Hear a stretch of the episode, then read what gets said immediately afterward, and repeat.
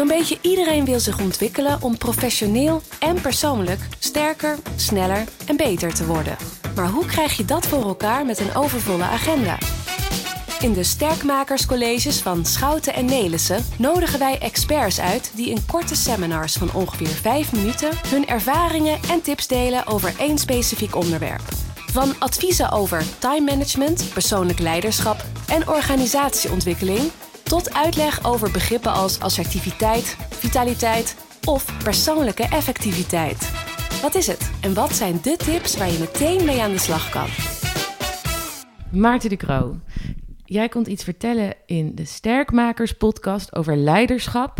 Maar om gewoon van wal te steken en daar een monoloog over te houden, uh, was niet helemaal jouw ding, vertelde je mij. En ik ben jouw dochter, Daisy de Croo. Dus jij hebt mij gevraagd om jou wat vragen te stellen, of eigenlijk ook met jou in gesprek te gaan over leiderschap. In 10 minuten. In 10 minuten.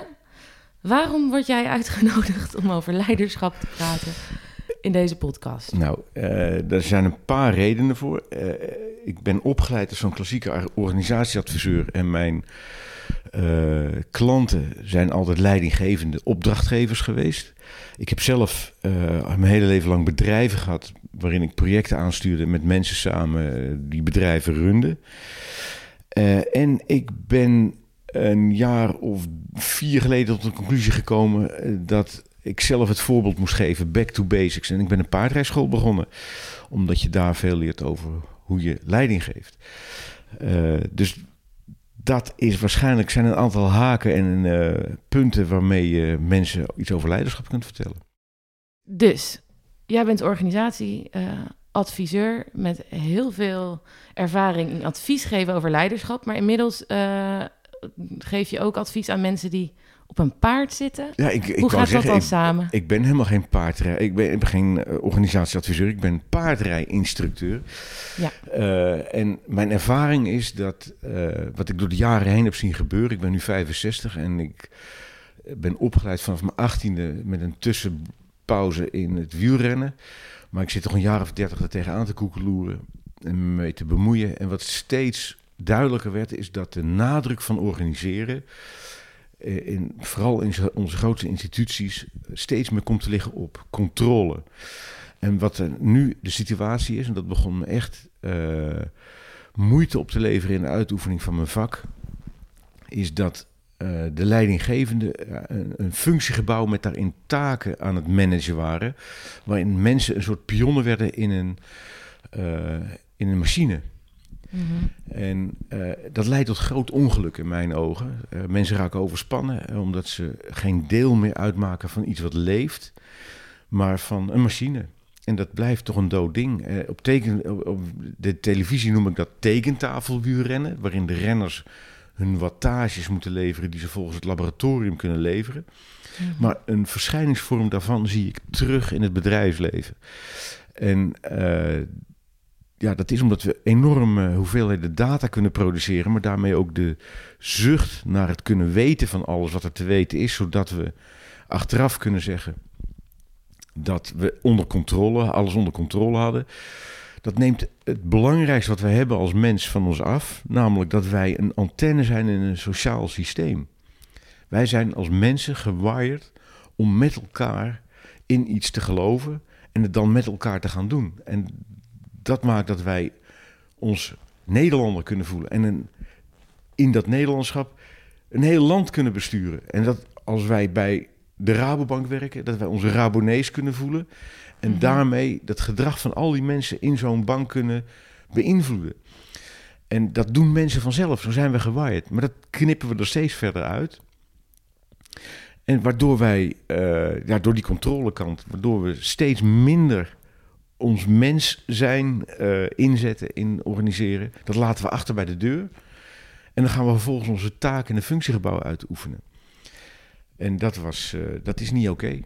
Dat is dus het grootste ding uh, waar jij het mis ziet gaan, keer op keer. Dat, Heb je daar een heel concreet voorbeeld van? Of een soort, weet ik veel, een, een casus? Of? Uh, de, ja, nou, de, organisatie mag niet klikken, maar nee, een van de belangrijkste casussen is dat een, van de grootste instituties die we hebben is Rijkswaterstaat. Mhm. We hebben 4000 bruggen in Nederland die na de Tweede Wereldoorlog gebouwd zijn. Die moeten allemaal vervangen worden of onderhouden. Daar hebben we het geld niet voor en de menskracht niet voor. En de kennis is inmiddels weggelopen, omdat die mensen met pensioen zijn. Dus dat is een onoplosbaar probleem. Niets is onoplosbaar, dus dan moeten we andere wegen verzinnen. Nou, wat, wat je ziet bij Rijkswaterstaat, die wachten tot er scheurtjes komen in de brug. En dan zeggen ze, oh, paniek. Ja. Uh, en dan komt er uit een ander potje komt er geld om uh, die brug te repareren. Terwijl we fundamentele keuzes moeten maken over uh, hoe gaan we dit aanpakken? Wat eerst, wat laatst? Wat vinden we belangrijk, wat vinden we minder belangrijk? Dat soort zaken. En dan komt het weer op echt leiderschap aan. Welk verhaal willen we schrijven? En als jij dan bij een dergelijke organisatie binnenkomt en jij observeert dit, jij constateert dit, hoe faciliteer jij dan goed leiderschap? Of ja, nee, maar daar ben, ik kwam dus tegen mijn eigen grens aan. Namelijk, uh, ik heb meegedaan in dat spel. Want ik deed net alsof we, als we nou een goed plan maken, dan komen we daar wel uit. Uh, en uh, ja, dit is een rotvraag, want ik ging daardoor nou, onderdeel uitmaken van dat spel. De ene helft van Nederland adviseert inmiddels de andere helft. En dat is een maat voor hoe erg ons zelfoplossend vermogen aangetast is. Datgene wat ons tot mens maakt. We weten niet hoe het moet, maar we zijn samen. We zitten in dezelfde boot. En we vinden een oplossing met elkaar. Als het niet zo kan, hoe dan wel? Nou zo. Nou, dat, dat vermogen, dat hebben we gecorrumpeerd. Ook bij mezelf. En dat ontdekte ik bij mijn paarden. Dat ik, die paarden vertelden mij van... jou, jij wil net zo graag gecontroleerd naar een eindresultaat. Namelijk dat ik piafeer. Dat is een hogere school uh, activiteit voor een paard. Okay. En ik stampte dat in dat paard. Nou, daar werd hij heel erg gestrest van. En uh, net zoals de mensen in mijn adviespraktijk heel erg gestrest werden van een taak te moeten doen in een functiegebouw. En uh, toen ben ik wakker geworden en heb ik vier jaar geleden een rigoureus besluit genomen. Ik ga zelf eerst back to basics. Ja. Uh, en dat is eigenlijk heel simpel. Gewoon weer doen wat wij, waar wij als mensen toe gewaaid zijn. Uh, contact maken met de mensen die, waar het om gaat. Contact maken met je paarden. En met een intentie waar een verhaal achter zit, erop afgaan. En wat, je, wat ontzettend belangrijk is, is dat een leidinggevende ten alle tijde een verhaal heeft. Waarom wil ik dat jij dit doet? Wat is daar de reden van? Wat heb ik voor je nodig? Waar kan je mij voor gebruiken? Nou, dat, die tijd die nodig is om dat verhaal te laten weer klinken, tweezijdig te maken, in verbinding met mensen, dat kost tijd. Het heeft mij vier jaar gekost met die paarden om nu een paard te hebben wat enigszins piafeert. Ja. Uh, dat moet je elke dag opnieuw doen. En leidinggevenden in mijn praktijk, die zaten acht uur per dag te vergaderen en ze waren helemaal niet op de vloer. Een totale scheiding tussen de top en de vloer. En, de, en er is maar één takeaway voor leidinggevenden. Zorg dat je een verhaal hebt, zodat je de intentie waarmee je mensen benadert zuiver is. Dat er een idee achter zit. Ja. En dat je de tijd neemt om connectie met ze te maken. En connectie wil zeggen fysiek bij ze tijd doorbrengen in de situatie waar zij dingen voor je doen. Is dat dus wat je, hoe jij werkt met paarden? Stel een leidinggevende komt bij jou. Als jij je verhaal niet zuiver, niet zuiver is of niet helder hebt, dan weer spiegel, dat zie je terug in je paard. Ja, en wat ik nou zou, wat ik aan het doen ben, is een paardrijschool voor leidinggevende. Dan leer je paardrijden en dan kan dat alleen maar als je iets leert over jezelf, hoe je leiding geeft aan een paard. Dus ik ga niet uh, iemand eenmalig spiegelen. Oh, wat interessant. Zo zit ik in elkaar. Nee, je, je moet jezelf helemaal opnieuw uh, spiergeheugen intrainen om te weten hoe het werkt om in een situatie met een zuivere intentie op mensen te kunnen afstappen en een verhaal te kunnen opdissen of ze te herinneren aan het verhaal wat je ooit al verteld hebt. Ja.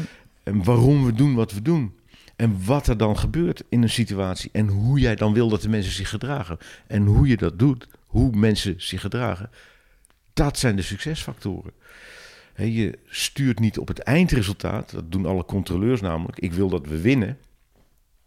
Sturen doe je onderweg. Met elkaar. En dan ga je sneller met elkaar naar een einddoel toe. En dan aan het eind kan je omkijken en zeggen: dat hebben we goed gedaan. Maar dat sturen doe je onderweg. Hm. Het wordt een vaag verhaal en lang. Hè? Nee, ik vind het niet vaag. Um, ik vind het wel lang, maar je praat bevlogen en dat is altijd goed. Maar als je het concreet of misschien zou, zou je dat lastig vinden om te kunnen versimpelen? Als je, zou je in één zin kunnen zeggen van als nou, een leidinggevende die hier naar luistert, die misschien niet uh, met pensioen aan het gaan is, van wat zou je zeggen, wat is de kern of wat is je advies daarin, je tip? Nou, zorg als leidinggevende moet je onafhankelijk zijn. Door jou kunnen mensen meer dan ze eigenlijk kunnen. Door jou gaan ze dingen doen die ze uit zichzelf niet gedaan zouden hebben. Dat mhm. kan alleen als je zuiver op de graad bent. Als je daar niet zit voor je eigen ego.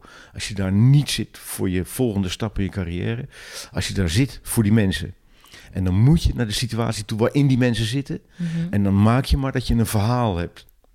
En als je dat niet hebt, dan lul je uit je nek. En dan gaan we lekker in de spreadsheet zitten controleren of ze wel gedaan hebben wat ze moeten doen.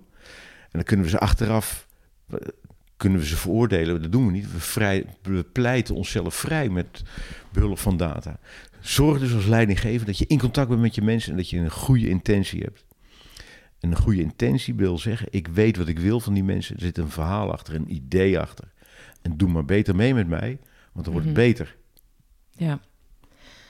Dus dat is, hartstikke, is hartstikke moeilijk, hè, overigens. Simpel maken is het moeilijkste wat er is. Want wat is je verhaal? Als je leiding moet geven in een distributiecentrum. Er is altijd een verhaal. Denk er maar over na voordat je erop afstapt. Dat was zeker niet één zin, maar wel een helder verhaal. Maar de, nee, maar de ene zin is: wees zuiver. Ja. In je intentie, in je verhaal. Zet je ego aan de kant. Het gaat niet om jou, het gaat om die mensen. Ja. Oké. Bedankt, Maarten. Bedankt voor het luisteren naar de Sterkmakerscolleges. Hopelijk heb je er nieuwe inzichten door gekregen. Maar echt sterker word je door wat met deze inzichten te doen. Dus waar wacht je op? Ga aan de slag. Kijk voor meer informatie op sn.nl slash sterkmakers-podcast. En vergeet ons niet te volgen op Instagram en LinkedIn. sterkmakers podcast.